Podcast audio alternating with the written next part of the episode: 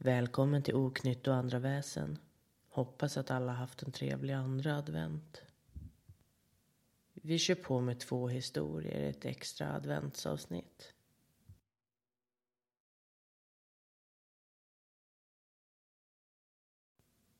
Jag vaknade upp den dagen, den 10 september 2021 med en känsla av ovisshet som hade lagt sig som en tung dimma över mitt medvetande. Det var som om luften i mitt rum hade förändrats. Jag kände det på mig. Någonting skulle hända, men jag kunde inte sätta fingret på vad det var. Gabriel, änglarnas budbärare, ärkeängel, kom till mig i en bländande glans.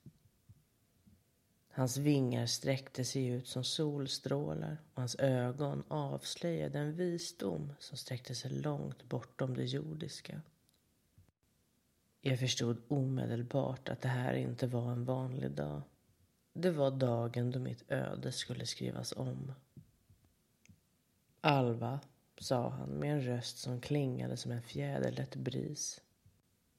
Det är dags för dig att följa med mig till himlen.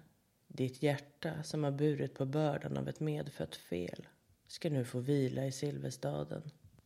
Jag kände mig överväldigad av en blandning av fruktan och förväntan. Att lämna det jordiska livet bakom mig med all dess smärta och glädje var en tanke som vibrerade genom min själ. Men samtidigt så kände jag mig rädd för det okända, för vad som väntade mig bortom den sista horisonten. Väl framme i himlen möttes jag av en ofattbar skönhet.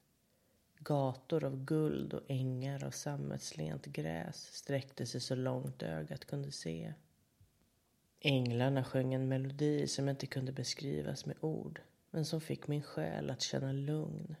Det var som att vara omfamnad av själva kärleken. Där, mitt i det här paradiset, mötte jag Gud själv. En kraftfull närvaro vars kärlek lyste genom varenda atom i himlen. Han talade till mig med en röst som var varm och mjuk. Alva, du har nått fram till den slutgiltiga stationen. Men innan du släpper taget om det jordiska livet vill jag ge dig ett val.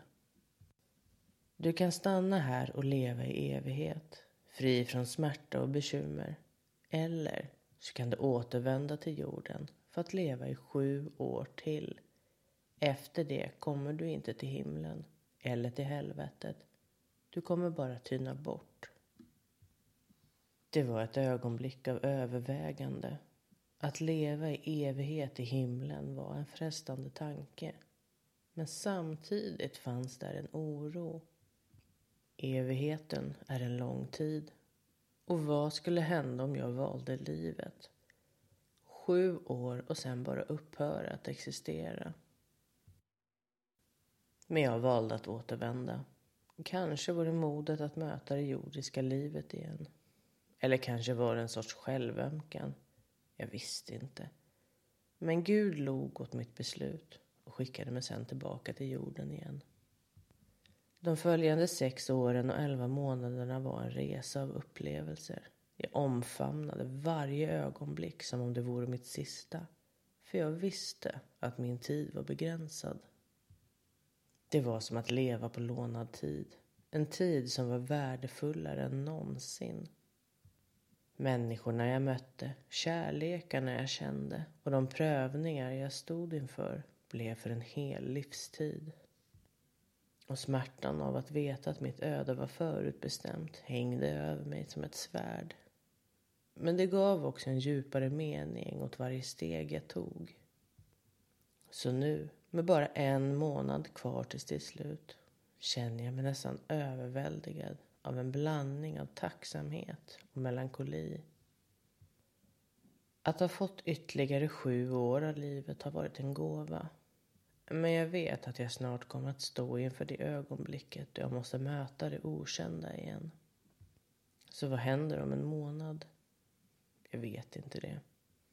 Det är som att stå vid kanten av ett stup och inte veta om jag kommer falla eller om jag kan flyga. Enda säkerheten jag har är att mitt liv har varit fyllt med ofattbar rikedom av erfarenheter och kärlek. Och oavsett vad som händer kommer mitt hjärta att ha levt ett liv som sträcker sig bortom min vildaste fantasi. Så här slutar mitt kapitel. En resa som började med änglars besök och som når sin kulmen i det okända. Vad som än händer härnäst är det en del av det större mysteriet. Och jag tar det sista steget med ödmjukhet och tacksamhet för det liv jag har fått leva och för valet som jag fick.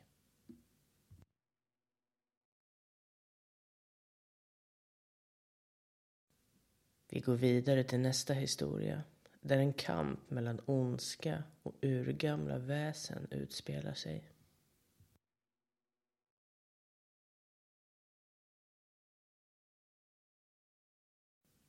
En kylig vinter i Småland år 1768 trädde en vandrare fram genom snödrivorna och fann en avlägsen gårdsplats täckt av meterdjup snö. Gården, en isolerad enklav i det tysta landskapet, var som en förlorad plats där tiden stod stilla. Familjen som bodde där var fridfull och välkomnande när de öppnade dörren för den frusna vandraren. Under de följande dagarna förvandlades gården till en skådeplats av fasor. Den okända vandraren terroriserade familjen och dess tjänare, kastade skuggor över deras sinnen och fyllde luften med en kyla som gick längre än i vinterns grepp. Pigor och drängar drogs in i en ond dans där den mörka främlingen lekte med deras rädslor som en marionettmästare. Vinden viskade skräckinjagande ord och skuggor tycktes röra sig av sig själva. Nätterna var inte längre en frist från fasorna.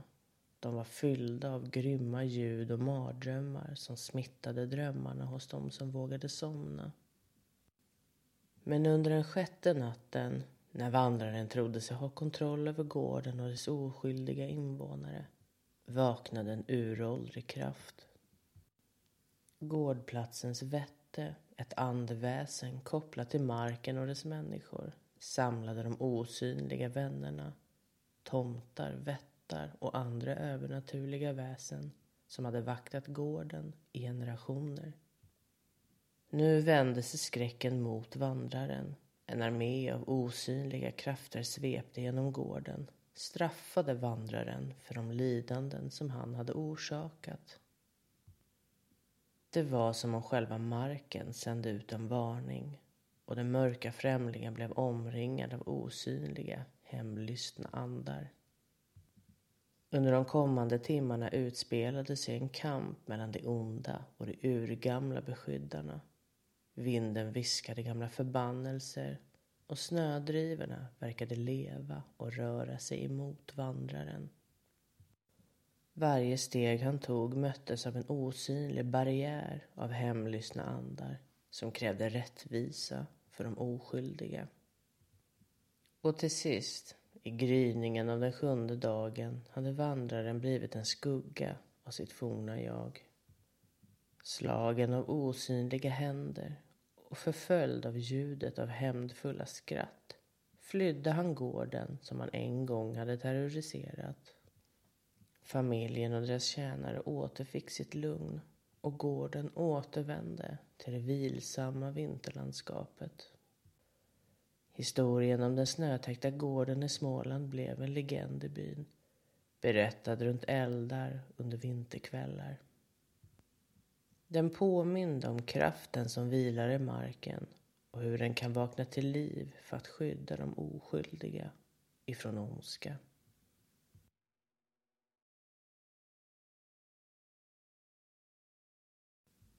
Tack för era historier. Med det sagt så säger vi hej då för den här gången.